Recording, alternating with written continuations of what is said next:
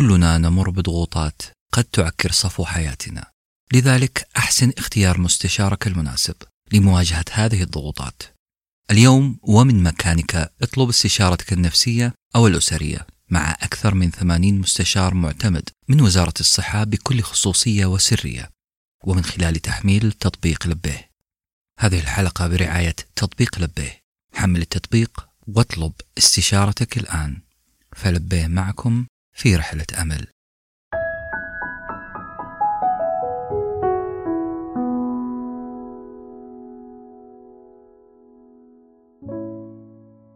على رقعة التاريخ نلعب بأحجار عاجية فنعيد بها حبكة الماضي وأحداثه. وجبة من التاريخ البديل أقدمها لكم أنا بندري الفراج في بودكاست على رقعة التاريخ.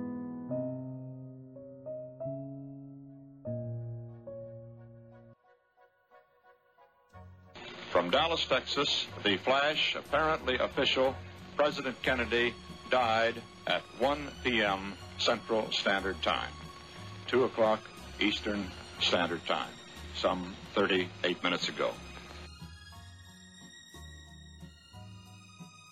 هل تخيلت عزيزي المستمع عزيزتي المستمعة شكل العالم إذا ما فشلت عملية اغتيال الرئيس الأمريكي جون فيتزجيرالد كينيدي؟ أهلا بكم في حلقة جديدة من سلسلة حلقات التاريخ البديل. تلك الحلقات التي تقوم على لعبة ماذا لو أو what if الشهيرة، والتي تفتح آفاقا واسعة واحتمالات عديدة لهواة التاريخ وتتبع خيوط الأحداث. تلك الفكرة التي قامت عليها أعمال درامية كاملة كمسلسل Sliders في التسعينات ومسلسل The Man in the High Castle مؤخراً وأعمالا أخرى عديدة. JFK هو سياسي أمريكي تولى منصب الرئيس الخامس والثلاثين للولايات المتحدة في العشرين من يناير عام 1961 حتى اغتياله في الثاني والعشرين من نوفمبر عام 1963 ومتوسط الاستطلاعات الإيجابية له على مؤشرات جالوب هو سبعون في المئة وهو الأعلى بين جميع الرؤساء في تاريخ مؤسسة الاستطلاعات. وهو مؤسس فرق السلام التي كان أهم أهدافها تقديم المساعدة التقنية ومساعدة الناس خارج الولايات المتحدة على فهم الثقافة الأمريكية. ومساعدة الأمريكيين على فهم ثقافات الدول المختلفة حول العالم. كما دعم حركة الحقوق المدنية وأنهى عصر المكارثية القوائم السوداء التي طالت هوليوود ومنعت كتابا عديدين من إبراز أسمائهم في الأعمال الدرامية. في واقع الأمر وإذا ما أردت ذكر حقيقة واحدة مؤكدة في عملية اغتيال جون كينيدي فهي أنه لا توجد حقيقة واحدة مؤكدة في عملية اغتيال جون كينيدي. تعد نظرية مؤامرة اغتيال كينيدي أعظم وأكبر نظرية بين كل نظريات المؤامرة وفقا لما قاله الكاتب جون سي ماكادمز وقد أشار آخرون غالبا إليها بأنها أم كل المؤامرات. يقدر عدد الكتب المكتوبة عن اغتيال كندي ما بين ألف وألفين كتاب ووفقا لما ذكره فينسنت بوغليوسي. فإن 95% من هذه الكتب مؤيدة لنظرية المؤامرة. ولا تتفق مع استنتاجات لجنة وارن. اللجنة التي وكلت إليها مهمة التقصي والتحقيق في اغتيال جون كينيدي والتي توصلت إلى أن لي هارفي أوزوالد قام باغتيال الرئيس كينيدي بإرادته الشخصية وذلك بإطلاق النار عليه بمفرده من الطابق السادس من مبنى مستودع كتب لمدرسة تكساس. كذلك ذكر التقرير أن جاك روبي وبمبادرة شخصية منه. قام باغتيال لي هارفي أوزولد في الرابع والعشرين من نوفمبر عام 1963 في سجن دالاس. ولم يجد التقرير دليلا على وجود مؤامرة تجمع ما بين أوزولد وروبي. وانتقد مكتب الخدمات السرية ومكتب التحقيقات الفيدرالي وطالب بعمل إجراءات حماية أقوى في المستقبل. وقد عين الرئيس الأمريكي ليندون جونسون رئيس القضاة إيرل وارن لرئاسة لجنة التقرير إضافة إلى أعضاء آخرين وهم السيناتور ريتشارد راسل ديمقراطي من جورجيا والسيناتور جون كوبر جمهوري من كنتاكي والنائب تي هال بوغز ديمقراطي من لويزيانا والنائب جيرالد فورد جمهوري من ميشيغان. وألين دبليو دالس الرئيس السابق لوكالة المخابرات الأمريكية. وجون جي ماكلوي المستشار السابق للرئيس كينيدي وفي واقع الأمر إن فترة حكم كينيدي كانت مليئة بالأحداث الصاخبة التي أثرت ربما على تاريخ العالم بأكمله.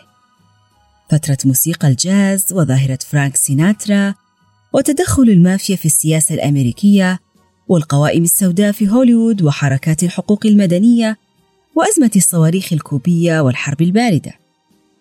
وحتى وفاته كانت صاخبة. الرئيس الرابع في تاريخ الولايات المتحدة الذي يتم اغتياله. ولذلك دعونا نسأل ذلك السؤال مرة أخرى. ماذا لو نجا جي إف كينيدي من محاولة الاغتيال؟ في واقع الأمر هناك نظريات عديدة أثارها محبو التاريخ البديل في تلك النقطة تحديدا فيما عرف بنظرية كينيدي الافتراضي. واتفق الجميع على نقاط رئيسية. أولها الحد من انتشار الأسلحة النووية. يرى المحللون أن جون كينيدي فاز بالانتخابات الرئاسية عن طريق اللعب على وتر مخاوف الحرب النووية. وأكد ذلك أنه قبل وفاته بقليل ضغط من أجل فرض حظر محدود على الأسلحة النووية. وبالتالي أجمعت نظريات كينيدي الافتراضي أو كينيدي الذي لم يمت في عملية الاغتيال. أقول أن نسخة كينيدي هذه كانت ستعمل مع الزعيم السوفيتي نيكيتا خروتشوف للحد من ترسانة الأسلحة النووية في العالم. وبالتبعية انتهاء الحرب الباردة بين الاتحاد السوفيتي والولايات المتحدة. تلك الافتراضية بالطبع التي سوف تقضي على سلسلة أفلام جيمس بوند تماماً. وإن كانت الأسلحة النووية أقل خطراً من غضب محبي العميل 007 حول العالم. ثانيها برامج الفضاء. انتهاء الحرب الباردة بين القطبين الكبيرين.